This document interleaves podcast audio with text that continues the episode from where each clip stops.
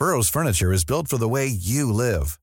From ensuring easy assembly and disassembly to honoring highly requested new colors for their award-winning seating, they always have their customers in mind. Their modular seating is made out of durable materials to last and grow with you.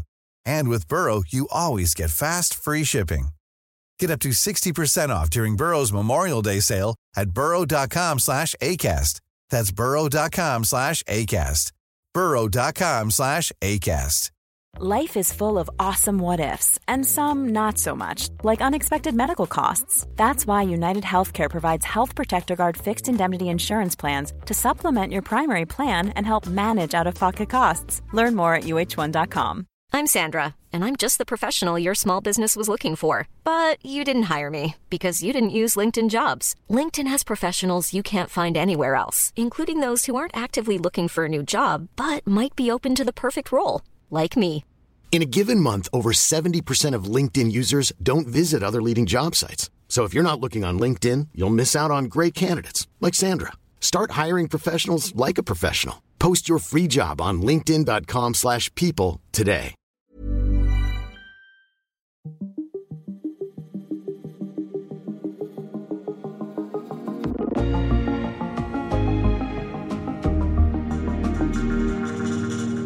Som en storm af sandkorn er kritikken af ikke bare Katar, men også af FIFA taget til op til og under VM i ørkenstaten.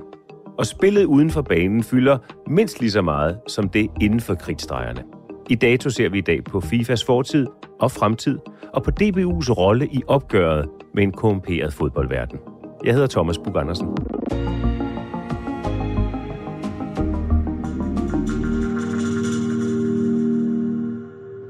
Sikkert, der sker, der sker noget i... Der er der er fuld af fart på. Det er dejligt. Sådan en som dig må have rigtig meget at lave lige i øjeblikket. Ja, for fanden, mand. Men det synes jeg faktisk, det har været de sidste øh, halvanden års tid. Der har godt fokus på det.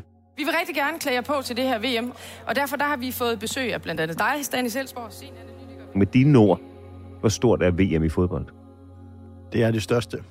Det er den sport, der kan samle allerflest mennesker på kryds og tværs, uanset religion, uanset politisk ståsted, uanset hvor man kommer fra i verden, så har VM en helt magnetisk kraft i forhold til at skabe øh, entusiasme og eufori i alle befolkninger rundt omkring i verden. Og øh, det kender vi i særdeleshed her i Danmark, men i Sydamerika er fodbold jo nærmest religion for nogen, så det er det største. Hvad er det bedste VM-minde for dig? Det er VM i USA i 1994. Jeg er født i 1984, så der er jeg 10 år gammel, og det passer med den der frase om, at øh, omkring 10-årsalderen, det er den begivenhed, man husker allermest. VM i USA står for mig som noget helt særligt, og Danmark var ikke engang med. Hvorfor? Fordi at øh, jeg havde fået en forkærlighed for den brasilianske angriber Romario, som kunne noget helt særligt. Den måde, han havde lavt tyngdepunkt, bevæget sig på, og så havde han en helt fenomenal evne til at afslutte foran mål. Romario!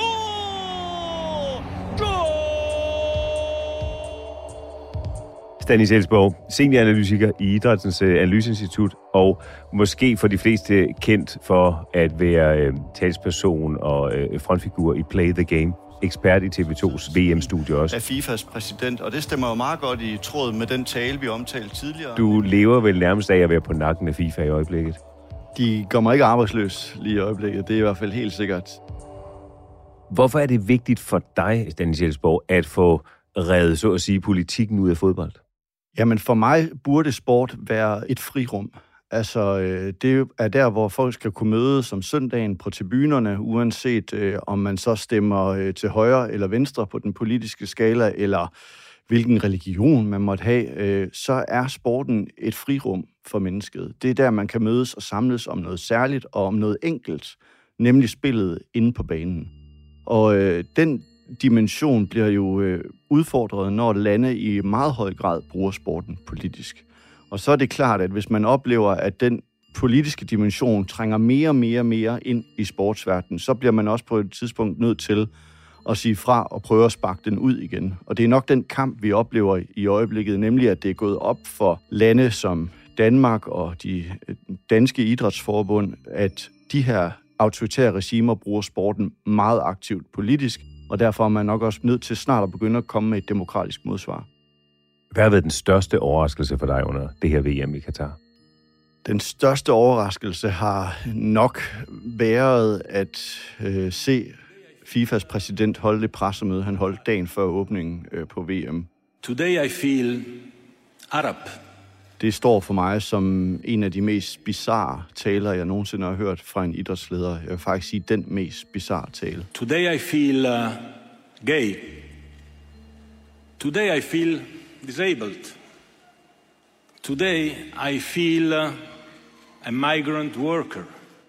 Og på sin vis et udtryk for den manglende virkelighedsfornemmelse, der er i FIFA. Ja, den manglende virkelighedsfornemmelse, men også et udtryk for, at FIFA kigger en helt anden vej, end hvad vi i Play the Game i hvert fald synes, nemlig mere mod de demokratisk sindede nationer og demokrativærdierne. Der tyder det på, at han har vendt blikket en, en helt anden vej. Gianni Infantino er den seneste i rækken af kontroversielle FIFA-præsidenter.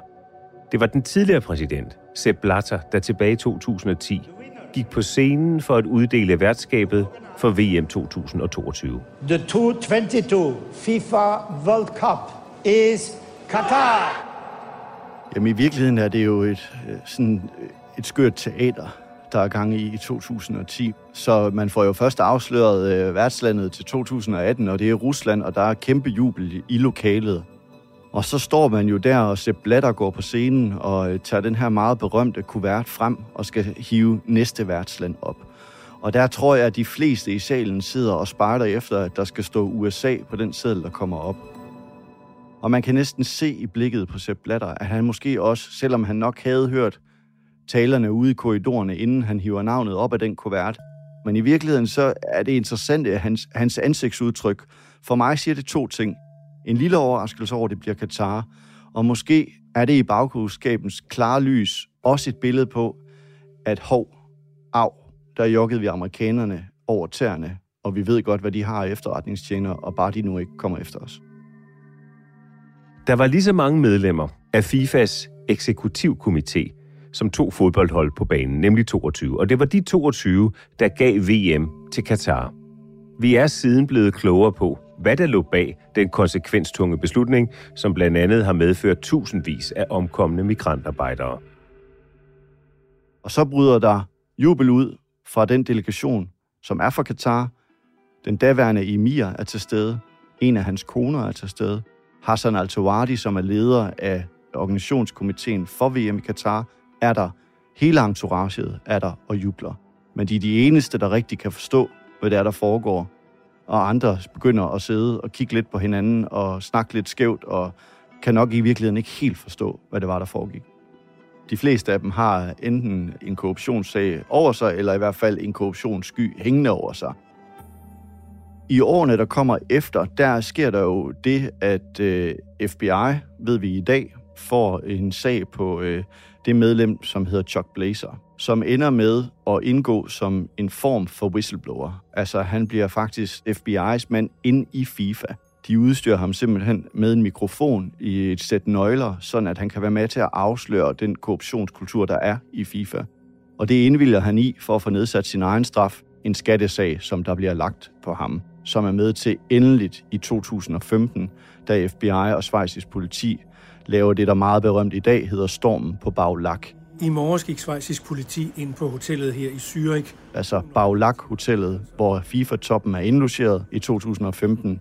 Der vælter FBI og svejsisk politi ind og anholder mange af dem, der sidder øverst i FIFA-toppen. De er alle mistænkt for at have modtaget bestikkelse i forbindelse med tildelingen af VM til Rusland i 2018 og Katar i 2022. Og efterfølgende ligger en masse sager om korruption ned over dem. I takt med de her afsløringer kommer frem, hvordan reagerer FIFA, hvordan reagerer DBU? Jamen, FIFA reagerer jo øh, på den måde, at de slet ikke vil vedkende sig det. Præsidenten Sepp Blatter er jo også en af de øverste ledere, som også ryger med ind i hele den her storm på baglak. There's no corruption in, within FIFA. Han siger jo, at øh, FIFA er ikke korrupt. No, it is with people. The institution FIFA is not corrupt. Så han vil selvfølgelig beskytte systemet. Og det er meget klassisk retorik fra FIFA, nemlig at man er en familie. And these difficulties will be solved, will be solved inside our family. Og det minder jo om sådan en mafiosisk udtryk. Og det, der er meget særligt ved det, er det faktisk, at det også betyder, at jamen, i familien, der ordner vi problemerne internt. Vi skal ikke have vores problemer hængt til tørre ude i offentligheden, og det er det, der sker på bagkant af Storm på Baglak, nemlig at sagerne vælter frem om korruption i FIFA. Den ene bliver dømt efter den anden, og der bliver indlagt masser af sager på de højtstående ledere i FIFA. Budskabet Human Rights for All skulle pryde landsholdets træningstrøjer under VM-slutrunden i Katar. Men sådan bliver det ikke, for FIFA har forbudt trøjerne. Den første danske landsholdstrøje nogensinde i sort. Den er et øh, symbol på et øh, omvandrende sørgebind. Tekstil spiller en rolle i DBU's markering af demokratiske værdier. Et velkommen her til Katar, et velkommen her til Doha.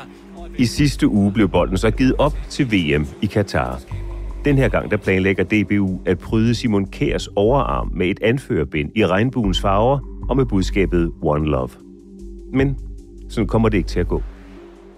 Altså man havde en værktøjskasse af forskellige muligheder, hvor man kunne signalere sin utilfredshed med, at VM skulle afholdes i Katar. DBU vil vise, hvem er vi, når vi kommer til Katar. Det har vi hørt Kasper Julemand og DBU sige, når vi kommer derned, så vil vi vise, hvem vi er og hvilke værdier vi står på. Og der står det her armbind jo som det meget klare symbol på det, DBU skulle være, når man kommer til Katar. Og det armbind, som jo er anførerbindet, det er den danske anfører Simon Kær, der skulle have haft bindet på til Danmarks første kamp mod Tunesien her i, øh, i sidste uge. Det var planen. Han ender med at dukke op uden armbindet på. Hvad er det, der sker forud for det? Ja, der sker jo øh, det, at øh, DBU, som vi hørte jo, har kontaktet FIFA omkring september med anmodning om at bære det her anførerarmbind. De får ikke noget svar. FIFA holder dem hen. Jeg var klar af den overbevisning, at det ville aldrig nogensinde komme på tale, at FIFA vil acceptere sådan et armbind. De har ikke fået noget svar, inden de tager til Katar, og øh, som jeg hørte fra direktør Jakob Jensen, så anmoder man om møder og har snakket med FIFA i Katar om det her armbind. Og øh, der har man, FIFA jo godt luret, at de fleste af landene har ytret, at de var villige til at tage den bøde, der nu måtte komme, hvis man bar armbindet. Men den lunds skal man ikke give FIFA, for så opjusterer de bare sanktionsmulighederne. Og det betød så, at det enten kunne være et gult kort, men det var det, der minimum ville blive givet. Til den anfører, der bare bindet. Til den anfører, der bare bindet, men det var et minimum. Det vil sige, at der var tale om yderligere sanktioner, altså faktisk jo karantæne til den pågældende spiller. Og det er helt uhørt, at et fodboldforbund truer med sportslige sanktioner. Du siger, det er uhørt. Altså, det er usædvanligt. Er det sket før? Nej, meget bekendt har jeg ikke hørt om, at man på den måde opjusterer sanktionerne til meget, meget alvorlige sportslige sanktioner. En ting er bøder, en ting er et efterspil, et juridisk efterspil, men det er helt uhørt, at man så kort tid før begynder at true med sportslige sanktioner, altså ved et VM. Det er meget alvorligt, at man truer med karantæne eller gul kort, eller hvad det måtte være, og det illustrerer jo i virkeligheden det helt absurde ved FIFA i øjeblikket, nemlig at man bruger sin magt på den måde. Og jeg vil faktisk sige, at det, at man fik frataget muligheden for at bruge det her armbind, der udstillede FIFA jo sig selv. Så i sig selv lykkedes missionen måske alligevel for de her fodboldnationer, der havde påtænkt sig at tage det på. Det, der ikke lykkedes, det var at sende signalet internationalt og til den nationale befolkning herunder borgerne i Danmark, som havde en forventning om, at der ville komme en demonstration. Men i sig selv udstillede FIFA sig jo ved at sige, at det må de ikke tage på, fordi det skabte den opmærksomhed rundt omkring i verden, som det gjorde. Så budskabet er jo nået ud flere steder. Der er så meget, jeg har lyst til at sige. Der er så mange ting, jeg har lyst til at gøre. Kasper Julemand melder ud efter Danmarks kamp mod Tunesien, hvordan det har påvirket ham. Prøv lige at fortælle, hvordan det påvirker det danske landshold. Nogle af dem, Kasper Julemand især, har jo brugt lang tid på at snakke om dilemmaerne og problematikkerne i forbindelse med VM i Katar. Så tager de til øh, et VM dernede og har måske en formodning om, at pressen vil stoppe en lille smule med de kritiske spørgsmål. Men jeg tror ikke, at de var, havde forventet, at Infantino ville opføre sig, som han gjorde på det meget omdiskuterede pressemøde, eller at der vil komme det her forbud mod de her armbind, som får pressen til jo yderligere at gå til DBU, gå til Kasper Juhlmann og gå til spillerne. Og det fylder selvfølgelig meget mere, end man sportsligt kan ønske, fordi at for Kasper Juhlmann er det jo først og fremmest nu, når man er dernede, en sportslig turnering, han skal koncentrere sig om, og det er det også for spillerne. Men det er meget tydeligt, at det har fyldt meget mere, end de nogensinde havde håbet på.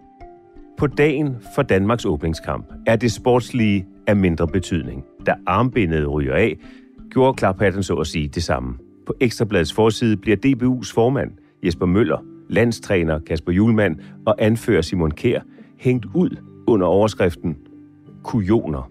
Og det er derfor en hårdt presset DBU-formand, som indkalder til pressemøde dagen efter. At bringe vores spillere i en situation så kort tid før så vigtig en åbningskamp, at man ikke kan bruge et øh, anførbind, som vi har haft en berettiget forventning om, at det kunne vi. Det er helt uacceptabelt. Det er dybt kritisabelt. Og det bliver vi selvfølgelig nødt til at, at forholde os til. Meget bekendt har jeg ikke kendt til et pressemøde fra et dansk idrætsforbund, her er det DBU, som kalder ind til et ekstraordinært pressemøde, som handler om noget andet end sport. Det handler om politik, og det handler om de sager, der kører i øjeblikket nede i Katar. Der kører han jo en meget hård retorik. Uhørt hård retorik. Helt ukarakteristisk hårdt over for FIFAs præsident. At det her vil man ikke være med til. Man accepterer det overhovedet ikke. Og man trækker i øvrigt tilbage, hvis man overhovedet havde overvejet det, at man vil, man vil støtter ikke Infantinos valg som præsident næste år. Og det er jo nyt. Der kommer, så at sige, DBU for alvor ud af busken. Ja, det er meget nyt. Gang. Det er meget nyt, og det er meget ukarakteristisk, og her ligger man sig jo ud med FIFA-toppen. Og man skal huske på, at Jesper Møller er ikke bare formand i DBU, han sidder også i UEFA's Executive Committee, altså en slags bestyrelse i det europæiske fodboldforbund. Så han har en stor idrætspolitisk toppost, og her ligger han så ud med præsidenten for det verdensomspændende fodboldforbund. Og det er ikke noget, man slipper nemt afsted med, og der kan man komme til at stå meget, meget alene på, det, på toppen af det bjerg. Og det er jo en, de, en del af DBU's motto, at man er en del af noget større. Og hvis man vil være en del af noget større, så må man jo også tage ansvar for noget større. Og det er de forventninger, der er opstået i befolkningen. Hvad er det for et DBU, vi så har nu efter Jesper Møllers udmelding? Det er et andet DBU nu. Fordi det er et DBU, som har lagt sig ud med den øverste leder inden for fodbolden. Og det er en leder, som har opbakning mange steder i verden. Langt større opbakning, end Jesper Møller og DBU kan få om deres fortælling og deres værdier i international fodbold. Og derfor bliver det en lang, sej kamp nu. Det har det været i forvejen, men nu har man lagt sig ud med den måde, Infantino har ageret på. Og det vil også betyde, at når vi kommer på den anden side af VM i Katar, så opstår der en ny kamp i international fodbold, som bliver langt mere tydelig, fordi nu er det helt åbent og klart for enhver, at DBU de skal ud og lave alliancer om det værdisæt, de gerne vil stå for og gerne vil fremme i international idræt. Og det er ikke nogen nem kamp. Det har de prøvet bag kulisserne i lang tid nu, og det har ikke lykkedes, øh, fordi der er ikke så mange, der tør at gå imod ham, der sidder på toppen af international fodbold. Men så er vi så samtidig i en situation, hvor DBU jo faktisk begynder at tale om, at man vil forlade FIFA. Er det realistisk i din vurdering, at DBU kunne finde på at forlade FIFA? Det har DBU været ude at sige, at det bliver, det bliver ikke aktuelt, og, og det tror jeg heller ikke, det gør, fordi at øh, DBU er jo altså også øh, et sted, der skal penge ind. Og det betyder, at hvis man melder sig ud af FIFA, så skal man jo have et alternativ. Og øh, vi har hørt nok så mange gange om, øh, hvor mange lande, der bakker op om FIFAs præsident, så det bliver nok ikke så nemt bare lige at hoppe ud af FIFA og så lave en ny form for fodboldorganisation. Men det er klart, DBU skal jo til at stille sig det spørgsmål. Hvor længe er man medlem af en forening, hvis værdisæt slet ikke stemmer overens med ens eget? Hvor længe vil man kæmpe kampen, og hvor længe føler man, man kan kæmpe? Stanis Elsborg, så nogen øh, som dig, Play the Game øh, øh, og andre aktivister, hvis jeg må kalde dig det, er bekymret over, at det går den forkerte vej, at FIFA ikke rigtig forstår den virkelighed, vi befinder os i. Men om fire år, så kommer VM, det er allerede besluttet til at blive afholdt i USA, Kanada og Mexico. Så er vi tilbage i den, han er sagt, gode gamle vestlige verden, hvor øh, demokrati fungerer. Hvordan bliver det VM, der så skal afholdes i, i 26 i USA, Kanada og Mexico? Anderledes, som følge af det, vi har været igennem i Katar? Det finder sted på, at man skal opfylde nogle menneskerettigheder, og der også er indgået nogle kontrakter for, hvordan stadions og så videre skal overholdes inden for menneskerettigheder. Så på den måde bliver det anderledes. Så er det vel egentlig et tegn på, at det går meget godt. Trods alt, vi, vi, det er ikke en lang nedadgående sliske, vi er på vej ud af. Det går lidt op og ned. 22 var bestemt ikke noget øh, jubelår, men 26 kan meget vel gå hen og blive det. Sådan kan man godt sige det. Jeg vil nok nærmere sige, at det må ikke blive en sovepude for idrætsorganisationerne at sige, nu er vi jo tilbage, hvor demokratiet lever lidt bedre, øh, end det i hvert fald gør i Katar. Nej, nu, er kamp, nu står kampen om 2030 udgaverne af store sportsbegivenheder, og der ved vi, at Kina, Saudi-Arabien, Katar kommer med et enormt tryk for os at få sportsbegivenheder i det årti. VM i Katar risikerer altså ikke bare være en enlig svale. Og men en af dem, som ønsker, at FIFA holder de demokratiske værdier højt, så fik man et varsel sort som olie på VM's åbningsdag. Jamen i virkeligheden sker der jo det, at, øh, at emiren og emirens far får overragt en fodboldtrøje, som angiveligt er øh, emirens fars gamle fodboldtrøje, som de skal skrive under, og der er en eller anden form for symbolsk overdragelse, og de er meget i centrum af billedet af kameraerne. Men mit blik flakker meget hurtigt øh, mod højre, fordi at der kan jeg se noget, jeg øh, har kigget meget på de senere år, nemlig den her meget, meget velkendte hovedbeklædning, som den saudiarabiske kronprins Mohammed bin Salman har. Altså det her rødhvide ternet hovedbeklædning. Og der er det så, at min opmærksomhed straks flyver fra den her fodboldtrøje og over på øh, Mohammed bin Salman fra Saudi-Arabien, fordi han også der sidder ved siden af FIFAs præsident i VIP-logen. Og det er et meget, meget klart signal for FIFA, som sender til hele fodboldverdenen. Prøv at høre, det kan godt være, I kommer her med jeres demokratiske værdisæt, men der er også en anden verden. Og for os i FIFA i øjeblikket, der handler det om de autokratiske nationer med mange penge, og mange penge, som de har lyst til at kaste ind i fodboldverdenen. Så det er nærmest et ikonisk billede, der er der med emiren på den ene side af FIFAs præsident, og så den saudiarabiske kronprins på den anden side. Hvad giver det dig en mavefornemmelse? Det er en skidt mavefornemmelse, fordi at det netop er billedet på, at FIFA er på vej et helt forkert sted hen.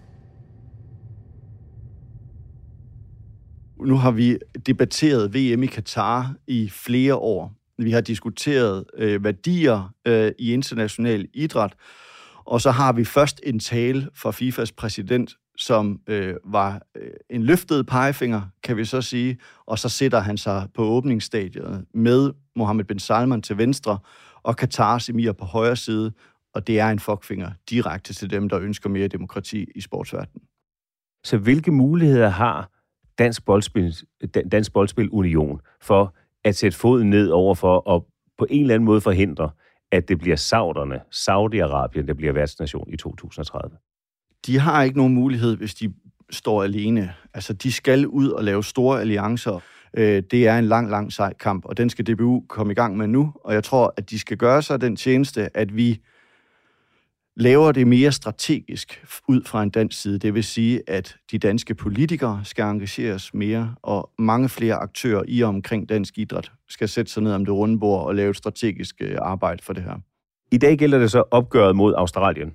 Drømmer du om danske scoringer, eller om, han har sagt, danske politiske markeringer, statements?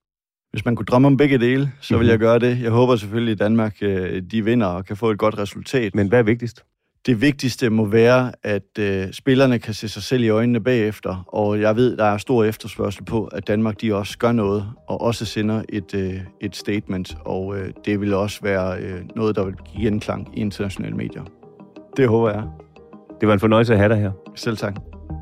Ja, Mathias Bundgaard var anfører, Ida Skærk og Ida Skovsgaard lavede brasilianske finder, Astrid Louise Jensen er cheftræner, og uden dem havde jeg, Thomas Bug Andersen, ikke kunne aflevere på den her måde. Tak for kampen.